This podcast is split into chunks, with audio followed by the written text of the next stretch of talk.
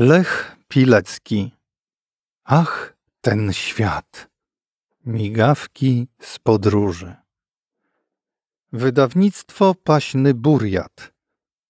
Czyta Andrzej Petel-Petelski. Ameryka. Tę podróż po Ameryce zacząłem nietypowo, bo od szarpiącego trzewia bólu, gdy patrzyłem po raz już nie wiadomo który na telewizyjną relację z rzezi, jakiej wskutek decyzji kontrowersyjnego ministra środowiska dokonywano na Puszczy Białowieskiej. Kocham nasze stare lasy i na to cięcie nie mogłem po prostu patrzeć. Ten widok sprawiał mi fizyczny ból. Podjąłem więc błyskawiczną decyzję o podróży na drugą półkulę, by odpocząć od tych makabrycznych widoków i sprawdzić przy okazji, czy gdzie indziej też tak tną. No i owszem, tam gdzie byłem tną, a jakże. Tyle tylko, że ludzi po kieszeniach. Przez dwa tygodnie pobytu w słynnym lesie, czyli w liczącym sobie tylko 113 lat Las Vegas, Napatrzyłem się na tysiące jednorękich bandytów, grających maszyn, ruletek, kół fortuny, stołów do pokera, rżnących ponoć statystycznie w stosunku 30 do 70 po kieszeniach i kontach bankowych rządnych fortuny naiwnych hazardzistów. Ja również po raz kolejny się skusiłem, zagrałem i jak zwykle przegrałem kilkadziesiąt dolarów, tłumacząc sobie, że w kasynie z reguły przegrywają ludzie szczęśliwi. Ruszyłem więc na spacer pocieszenia po The Strip, czyli Las Vegas Boulevard, aby pozwiedzać nigdy niezasypiającą stolicę światowego hazardu, rozrywki i rozpusty. Zrobiłem bagatela, prawie 17 kilometrów i com widział to moje. 713 Las Vegas Boulevard to adres najsłynniejszego na świecie Lombardu, słynnego dzięki amerykańskiemu programowi telewizyjnemu Pawn Stars, nadawanemu także w Polsce. Dziś bohaterowie tego reality show nie stoją za ladami tego ulokowanego w niepozornym budynku Lombardu, ale i tak pod ten adres ciągną tłumy turystów z całego świata z nadzieją, że a spotkają tam Richarda Harrisona zwanego staruszkiem albo jego syna Ricka, czy też wnuka Korea zwanego Big Hosem lub zabawnego Austina Russella zwanego Chamli. Właściciele Lombardu, zamiast stać za ladą ku uciesze rzeszy fanów, dziś już raczej wolą brać udział w przeróżnych eventach, inkasując tylko za obecność na nich idące w tysiące dolarów honoraria. Turystom pozostaje więc obfotografowanie licznych, zgromadzonych w Lombardzie fotografii bohaterów serialu. Mimo wszystko jednak warto tam zajrzeć, aby poczuć atmosferę prawdziwego amerykańskiego Lombardu i poczuć się choć przez chwilę jak Amerykanin, który przyszedł kupić bądź sprzedać kilka bibelotów. Kiedy w Las Vegas nasycimy już oczy milionami reklam, neonów i cudami hotelowej architektury, a uszy zaczną nas boleć od wszechobecnej anglosaskiej muzyki, od jazgotu kasynowych jedno- i wielorękich bandytów wyciągających dolary z naszych kieszeni, wypożyczmy auto w jednym z licznych tam rent-a-carów i pojedźmy około 60 kilometrów na wschód od miasta, aby zobaczyć Hoover Dam, czyli zaporę wodną imienia Huberta Hoovera, 31 prezydenta USA. Do momentu jej wybudowania rzeka Colorado często zalewała i niszczyła okoliczne pola uprawne, a dodatkowo budowane Las Vegas potrzebowało energii elektrycznej. Dlatego też w latach 1931-1935 w Czarnym Kanionie na rzece Colorado, na granicy stanów Nevada i Arizona, zbudowano gigantyczną tamę. O jej ogromie świadczy fakt, że betonu użytego do jej budowy wystarczyłoby na dwupasmową autostradę prowadzącą z Nowego Jorku do Los Angeles. Tama ma wysokość 224 metry, długość 380 metrów, szerokość u podstawy 200 metrów, a na górze 15 metrów. Przemyślnie zamontowane w zaporze turbiny dają 2074 MW energii elektrycznej, a sama zapora utworzyła jezioro o powierzchni około 650 km2 ze słodką wodą także dla Las Vegas. Fantastyczny widok na całą tamę rozciąga się ze zbudowanego przed kilkoma laty mostu Hoover Dam Bypass, którego betonowe łuki wznoszą się 270 metrów nad taflą rzeki Colorado. Widok z tego mostu zapiera dech w piersiach. Doskonale widoczny z powierzchni Księżyca najsłynniejszy wąwóz na Ziemi, czyli Wielki Kanion, robi na każdym turyście ogromne wrażenie.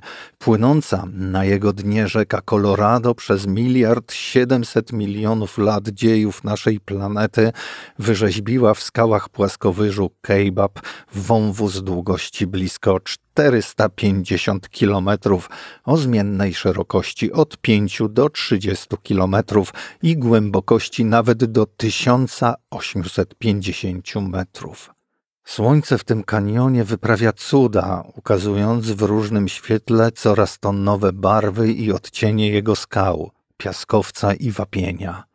Intensywność promieni słonecznych sprawia, że mamy wrażenie, iż na skałach kanionu, na którego dnie czasami można dostrzec płynącą rzekę, tańczą żółte, rude, brązowe, czerwonawe i niebiesko-szare ogniki. Spektakl ów trwa dzień w dzień, a turyści chodzą brzegiem kanionu urzeczeni i oszołomieni. Powiadam wam, warto ponad cztery godziny tłuc się autem z Las Vegas, po drodze podziwiając jeszcze bezkres i piękno Nevady i Arizony. Wracamy do Las Vegas. Tam, gdzie na północy miasta kończy się Las Vegas Boulevard, tam zaczyna się historyczne jego centrum, potocznie nazywane downtown. Królują w nim najstarsze kasyna i hotele, takie jak Binion's Horseshoe czy też Four Queens, oba założone przez słynnego bimbrownika i hazardzistę z Dallas, Beniego Biniona. Wrażenie robią też rzęsiście rozświetlone neonami Golden Gate Hotel, Plaza Hotel and Casino oraz Golden Nugget. Jednak od 1995 roku największą atrakcją downtown jest prezentowane codziennie po zmierzchu, obecnie nawet co kilkanaście minut laserowe widowisko Fremont Street Experience, nazwane tak od nazwy ulicy, na której się odbywa. Tysiące turystów z całego świata obserwują, jak na zadaszeniu tej ulicy 12,5 miliona diod LED i 550 tysięcy watów dźwięku układają się w krótkie, dowcipne, także reklamowe filmiki. Wielu turystów przyjeżdża jednak do Fremont Street nie dla świetlnego widowiska, lecz przede wszystkim po to, aby poczuć ducha tego najbardziej rozpustnego miejsca w Las Vegas. Las Vegas to oczywiście hotele i kasyna. Najpiękniejszym z nich jest według mnie otwarty w 1998 roku wybudowany za miliard 600 milionów dolarów zatrudniający 10 tysięcy pracowników pięciogwiazdkowy hotel Bellagio. Posiada on aż 3933 luksusowe pokoje, 512 apartamentów, własny teatr, liczne galerie wystawowe, sklepy oraz olbrzymie kasyno o powierzchni 4 hektarów. Ogromne wrażenie robi hotelowe lobby ze stropem udekorowanym dwoma tysiącami różnokolorowych kwiatów wykonanych ze szkła dmuchanego. Tuż za lobby znajduje się ogród botaniczny, którego wystrój zmieniany jest pięć razy w roku. Jednak to, co najbardziej przyciąga tysiące turystów, znajduje się poza samym hotelem. To sztuczne jezioro o powierzchni ponad 3 hektarów, zbudowane przed hotelem od strony Las Vegas Boulevard, w które wkomponowano słynne fontanny tańczące w rytm pięknej muzyki i towarzyszących temu przedstawieniu efektów świetlnych.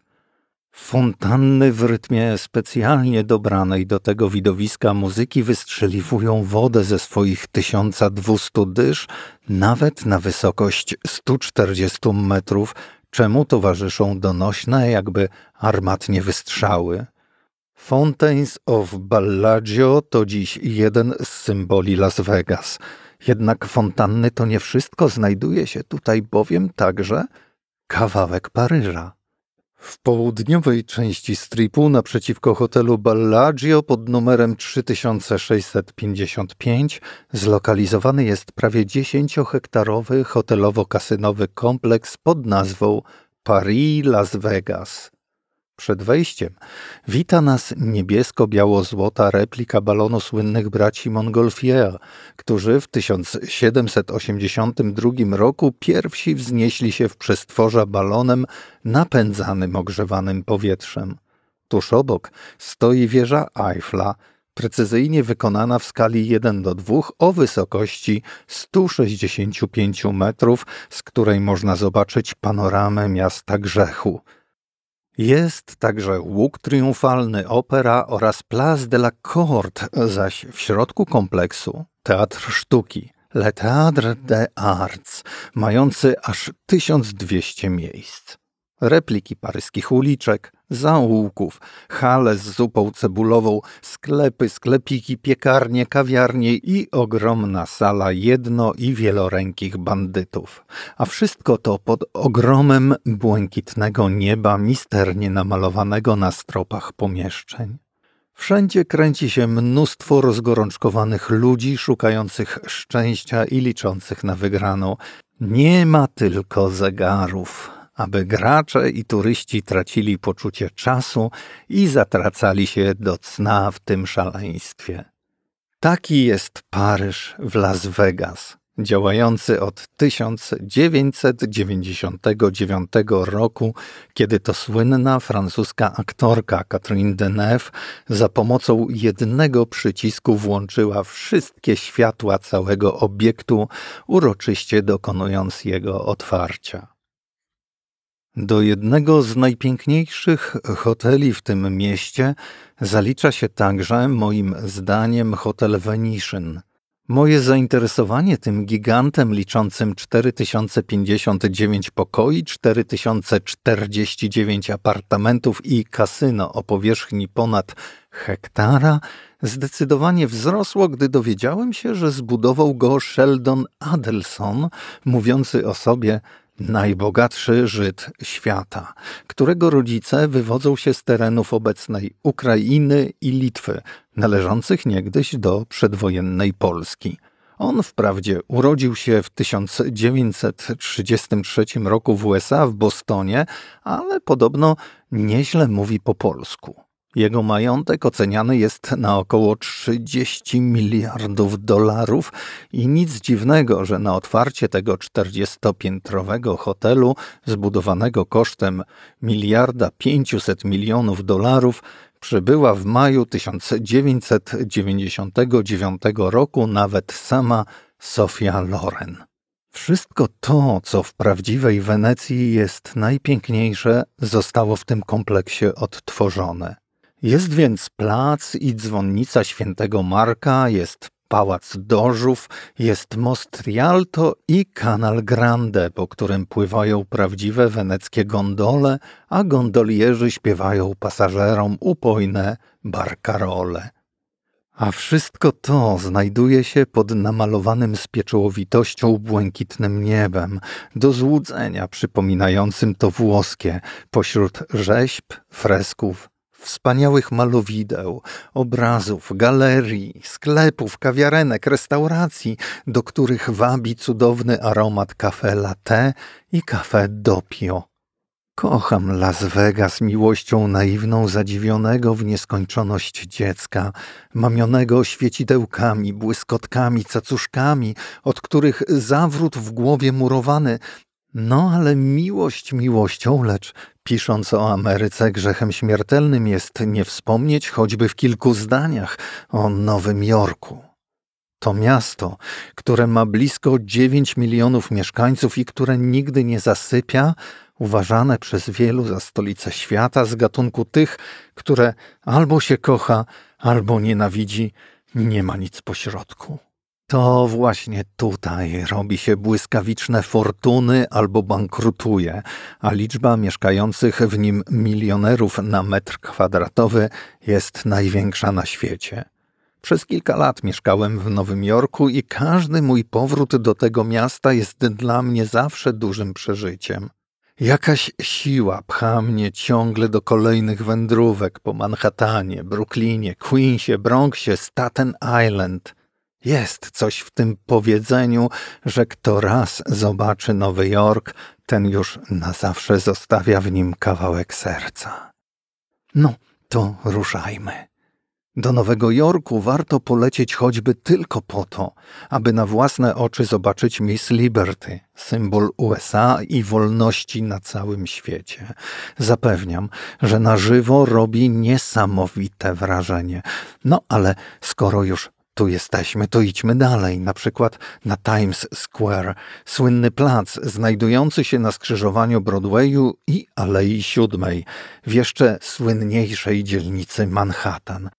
To miejsce, do którego ciągną turyści z całego świata, jest słynnym centrum rozrywki z wieloma teatrami, drogimi sklepami, hotelami, studiami telewizyjnymi, a nawet miejscem poboru do armii.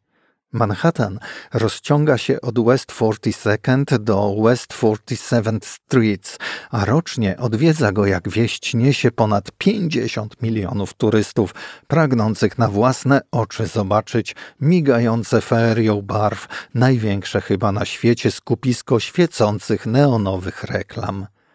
Migające, mrugające dniem i nocą tworzą specyficzne, niepowtarzalne widowisko. Nazwa Times Square pochodzi od znajdującego się w centrum placu, wybudowanego w 1906 roku 25-piętrowego wieżowca zajmowanego przez dziennik New York Times. To na dach tego budynku od 1907 roku w każdy sylwestrowy wieczór spada olbrzymia świecąca kula obwieszczająca nowy rok. Na ten moment czeka co roku na Times Square i przylegających doń uliczkach od miliona do dwóch milionów nowojorczyków i patrzących z zachwytem na to widowisko turystów z całego świata. Kilka razy i ja witałem w ten sposób nowy rok, ale muszę przyznać, że ogromny gwar i tłok zabijał we mnie nieco przyjemność płynącą z jego powitania. No cóż, ale być w Nowym Jorku na przełomie starego i nowego roku i nie zobaczyć tego spektaklu, to tak jakby w Sylwestra nie wypić lampki szampana.